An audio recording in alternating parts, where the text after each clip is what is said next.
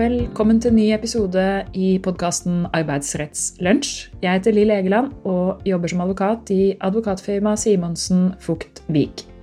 I dag skal vi snakke om et praktisk tema, nemlig varsling i arbeidsmiljøsaker. Og hvordan håndtere det. Nå er jo dette en podkast som, som, ikke drar seg over timevis, så dette blir jo en en, en litt overordnet tilnærming til det. Men, men, fokuset vil være følgende situasjon. Du er en arbeidsgiver som har hatt en personaloppfølging av en ansatt. På et eller annet tidspunkt så skjærer det seg eh, helt, eh, og arbeidstaker varsler og hevder seg trakassert. Hvordan håndterer du det som arbeidsgiver? Og, og fokuset mitt vil være og prøve å hjelpe deg å unngå de typiske fallgruvene som jeg ser at arbeidsgivere ofte går i. Og som alltid, før vi braker ordentlig i gang med podkasten Konseptet er enkelt. Kom deg ut på tur. Du kan selvfølgelig få lov til å høre på selv om du sitter stille, men du får enda mer utbytte av det hvis du tar på deg skoene eller eh, skiene og hører på mens du går ute. Da får du også dagslys. Men la oss gå over til temaet, da.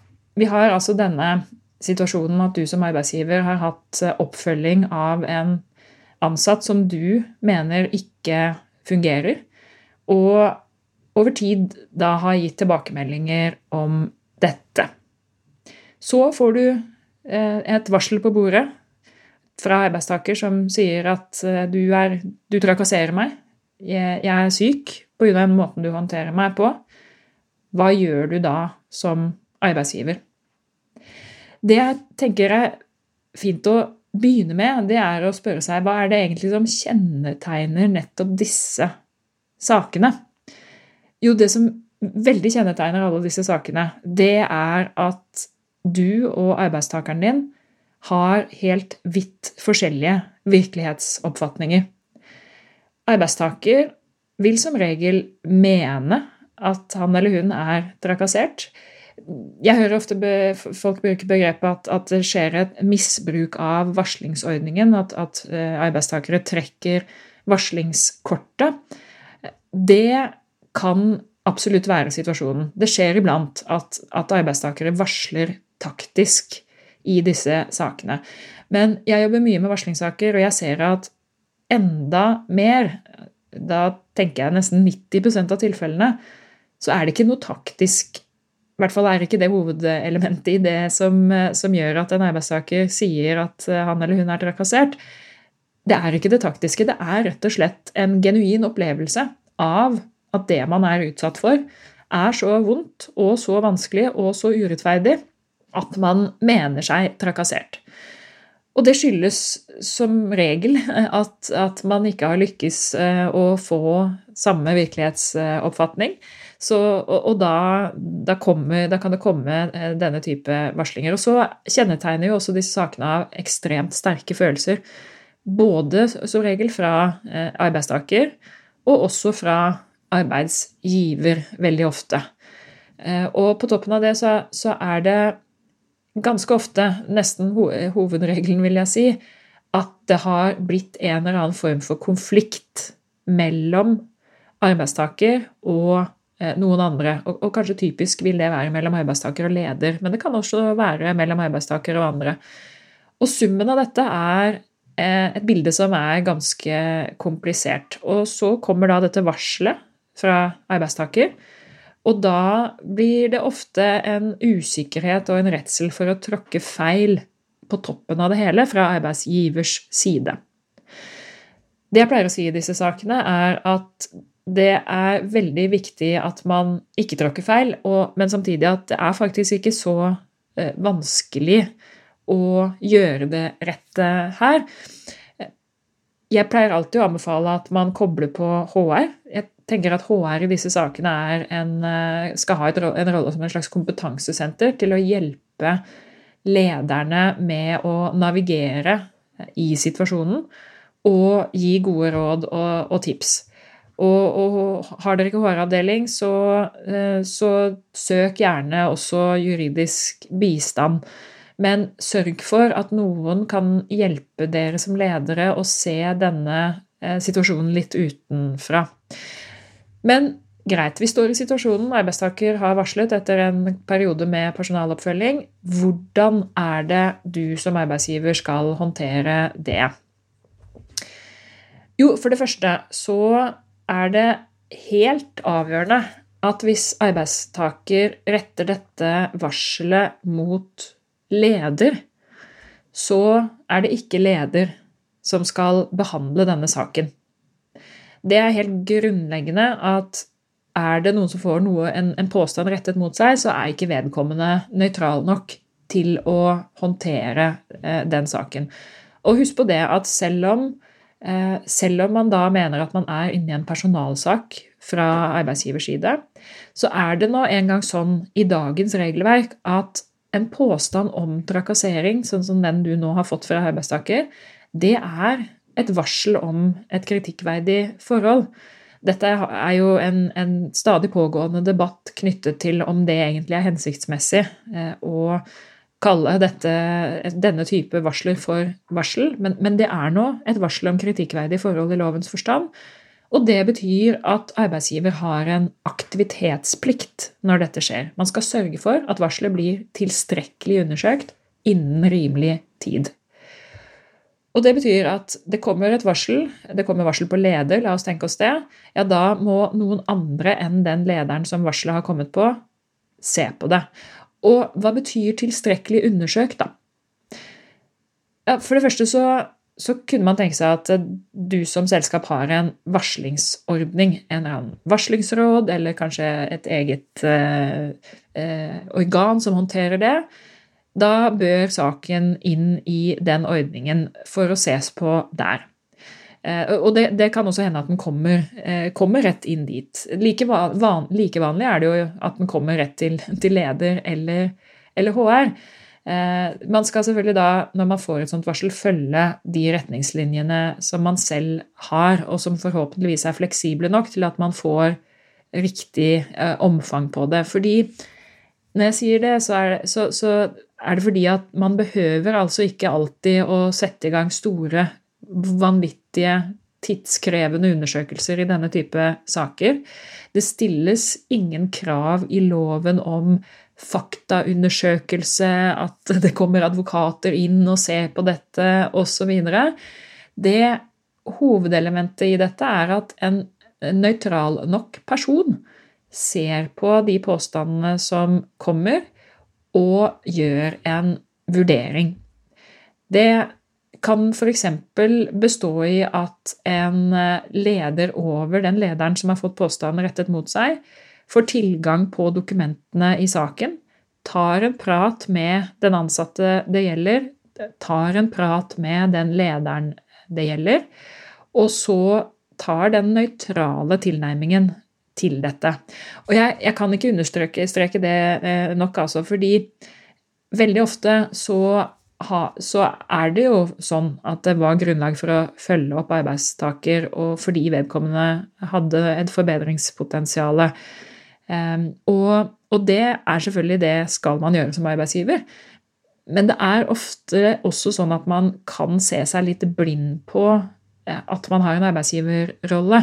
Eh, og da tenker jeg på leder over leder, som nå undersøker denne saken, må sørge for at man ikke uten videre sluker rått det virkelighetsbildet som lederen under deg har. Fordi som regel, det kan jeg jo si, så så ligger sannheten et eller, et eller annet sted eh, midt imellom. Rent statistisk, eh, når jeg har jobbet med alle disse varslingssakene i, i personaloppfølgingssaker, så, så, ser jeg at selvfølgelig så er det grunnlag for som regel for å følge opp denne arbeidstakeren. Det er likevel sånn at det ikke alltid er helt optimal atferd fra leders side. Og det skal man ta høyde for. Eh, at, at det er ikke sikkert at leder har opptrådt helt, eh, helt, korrekt her. Og det må man sørge for å ha nøytrale øyne og ha en åpenhet eh, for.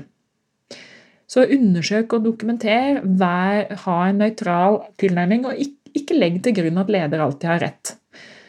Som regel, da, igjen statistisk sett, så, så er det sånn at man, man, kommer til en konklusjon om at det var grunnlag for å følge opp arbeidstaker. Eh, kanskje har man noen synspunkter om at, at, at, leder kunne ha håndtert enkelte elementer av den oppfølgingen annerledes, men likevel sånn at det ikke foreligger noe trakassering eller eh, annet, at vedkommende har fått, eh, ikke fått et fullt forsvarlig arbeidsmiljø. Og da bør man bare kort dokumentere at, at man har gjort en undersøkelse. Skriv det ned at, eh, hva man har gjort. Vi har undersøkt papirer, vi har snakket med hver eh, av partene. Kanskje har man snakket med noen andre også. Og min konklusjon, sier leder da, som undersøker, er at, eh, at arbeidstaker ikke er trakassert. Jeg kommer til å ta en dialog med leder om, om, å jobbe litt annerledes fremover, men likevel sånn at vedkommende har ikke trakassert leder. Og da eh, kan dere fortsette den prestasjonsoppfølgingen hvis det konkluderes med at, at, det ikke er noe trakassering i saken. Og dette behøver ikke å ta tid, eh, altså det tar jo noe tid, men det er likevel ikke sånn at som sagt, det trenger ikke å ta uker. Men det er veldig, veldig viktig at man gjør det. For i motsatt fall, hvis man bare overser denne påstanden om at arbeidstaker er trakassert, så vil det forkludre eh, saken fremover. Og skulle du da si opp og saken kommer for domstolene, så vil det kunne være noe som svekker saken din. Eh, og det kan jo tenkes at arbeidstaker faktisk er utsatt for trakassering. Jeg ser også i disse sakene at jeg nevnte det med at det veldig ofte ligger en eller annen form for konflikt bak dette, eh, og at konflikten er med på å, å, gjøre at partene ser dette helt forskjellig, og at man har to vidt forskjellige virkelighetsbilder. En annen fallgruve som, som jeg ser, det er at man kan gå rett inn i det jeg kaller konflikthåndteringsmodus. Uh, uten videre sette da leder og underordnet i Eh, en sånn konflikthåndteringsmetodikk, hvor de skal snakke sammen og de skal være enige om, eh, om at vi skal legge fortiden bak oss og se fremover osv. Det anbefaler jeg ikke å gjøre uten at man først har undersøkt og sett på om arbeidstaker er trakassert eller ikke. Og grunnen til det er at hvis man, hvis man setter en underordnet eh, medarbeider i samme rom som lederen til vedkommende, en leder som da denne personen føler seg trakassert av. Og så ber man eh, den underordnede om å kan du ikke nå bare glemme det du liksom sier, at du er trakassert osv., og, så og, og være litt samarbeidsvillig, da. Det vil være rett og slett en fortsettelse av trakasseringen, en separat trakassering i seg selv. Så ikke gå rett i konflikthåndteringsmodus før du har undersøkt kort eller langt om trakassering foreligger. Ikke gå rett i den eh, fella. Et, et, annet fallgruve som jeg ser i, i, i, disse sakene, det er at La oss si det tar litt tid å finne ut av om eh, det er trakassering eller ikke. La oss si at, at denne lederen som undersøker, både må snakke med leder, med medarbeider, og ser at det er nødvendig å, å ta en prat med noen av kollegene også. Da ser jeg at man ofte undervurderer den belastningen som det er både for varsler og også for omvarslede å stå i disse sakene. Varsler vil veldig ofte ha en opplevelse av å stå alene det kan være rett eller galt, men husk på at dette er det virkelighetsbildet som varsler har. Varsler kan kanskje føle at, at kolleger trekker seg unna. Leder eh, er jo midt oppi en varslingssak hvor, hvor, han eller hun er påstått å trakassere, så han vil, eller hun vil være, eh, opptre annerledes. Generelt så vil varsler ha et bilde av å, å være alene, da. Mens omvarslede, altså denne lederen som da har fått påstanden mot seg om at at hun eller han trakasserer, har ofte en følelse av å være under angrep. Og husk på det at den følelsen vil de ofte få selv om man på forhånd har snakket sammen og sagt at ok, nå, nå er vi nødt til å gå inn i dette. Eh, det er kanskje litt mer eh, taktisk eh, enn det er reelt, men vi må jo undersøke denne påstanden, men ta det med ro, jeg tror nok dette skal gå fint, osv. Det, det er ikke uvanlig at man tar en sånn samtale på forhånd med lederen, og likevel så er det å stå i en prosess hvor man undersøkes for om man har trakassert eller ikke, veldig belastende for denne lederen. Og, og, og, lederen vil ofte ha denne følelsen av å være under angrep. Og der må man da huske på at det er noe man som arbeidsgiver må ta alvorlig, og det er også en plikt man har til å sørge for å ivareta både leder, som er varslet på, og den ansatte som har kommet med varselet. Og denne omsorgsplikten som man har til å ivareta, den eh, Jeg pleier å si at det, det, enkleste man kan gjøre, det er å sørge for å ha noen nøytrale, kanskje overordnede mennesker som, som leder og ansatt kan snakke med rett og slett en, en, litt sånn sounding board, eller noen man kan gå til uh, og si Fader Ulland, altså, nå syns jeg dette er så vanskelig. Uh, jeg, jeg, sliter, og jeg syns de behandler meg dårlig osv. Det kan både varsler og, og omvarslet føles, føle. Og, og, jobben til denne personen som man da ut, sier skal være omsorgspersonen, er ikke å si ja, det har du helt rett i, og nå skal jeg ta kampen på dine vegne det er å si jeg forstår at eh, dette er vanskelig. Eh, jeg blander meg ikke opp i saken og hvem som har rett eller galt, men jeg er nå i hvert fall her for, for, deg fordi eh, jeg skjønner at dette, dette er ikke gøy. Dette, dette, er ikke noe gøy for deg. Så en nøytral person rett og slett som kan hjelpe til med, med en sånn type dialog, det kan være en veldig praktisk måte å håndtere omsorgsplikten på. Jeg ser også at, at man er veldig oppmerksom på som arbeidsgiver at man ikke skal gjengjelde mot arbeidstaker i disse sakene mens undersøkelsen pågår, eller, eller eh, etterpå eller før. Og, og, og, man kan da som leder si ting som Ok, nå har, nå har den ansatte trukket varslingskortet. Nå må vi passe på å ikke gjengjelde. Ingen gjengjeldelse mot denne eh, varsleren. Det som skjer da, hvis man bare sier disse tingene, som for så vidt er helt riktige, for selvfølgelig skal man ikke gjengjelde, det er likevel at man skaper eh, en sånn gå på tå-hev-kultur, eh, som i sum kan medføre at man faktisk gjengjelder uten å ville det. Og hvorfor sier jeg det? Jo, fordi at hvis man er altfor redd for å forholde seg normalt til varsler, Enten før eh, liksom, varselet er et faktum, men, men også mens man undersøker så kan det igjen føre til en isolasjon. Det kan føre til at kolleger trekker seg vekk, det kan føre til at leder ikke snakker med vedkommende. Og la oss da gå inn i opplevelsen som varsler har, av situasjonen igjen.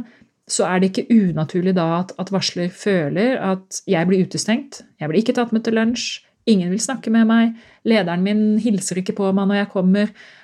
Alt dette er ganske naturlige reaksjoner fra en varsler som man må forsøke å unngå. Eh, og, og, dette er selvfølgelig ikke lett, for nå snakker vi om liksom kompliserte faktorer rundt eh, både konflikt osv. Men igjen, det å være oppmerksom på at dette kan være en mekanisme som inntrer i disse sakene, vil få deg ganske langt som arbeidsgiver. Og Hvis man i tillegg da kan ha denne støttepersonen som varsler har, som snakker med vedkommende, og som også spør hvordan det går. Og, og, hvis man da hører at jo, jeg føler meg utestengt osv., ja, da eh, bør denne støttepersonen sørge for å snakke med eh, leder over. Og så kan man vurdere hvordan skal vi få til dette her. Liksom, hva, skal vi, hva, skal vi, gjøre for å, for å unngå at varsler har denne opplevelsen? Det vil få deg i hvert fall veldig mye lenger enn om man bare eh, går i det moduset og sier du, eh, nå skal vi ikke gjengjelde, altså ikke ta fra lønnen eller ikke gjøre noe eller ikke si opp vedkommende. Som ikke i seg selv eh, er nok eller hensiktsmessig, da. Så det På et sånt overordnet nivå så ser jeg at dette er liksom noen praktiske og viktige tips når man har sakene hvor en arbeidstaker som er utsatt for personaloppfølging, varsler og hevder seg trakassert. Så håper jeg at eh, det var eh, nyttig for deg, eh, og at du kan få det med deg hvis du skulle komme i den uheldige situasjonen som, som dessverre ikke er uvanlig, da, at, man, at man opplever dette. Da, da, tror jeg du kommer langt på vei hvis du følger disse rådene. Så tusen takk for at du hørte på i dag, og vi høres igjen i neste episode. たくさまへ。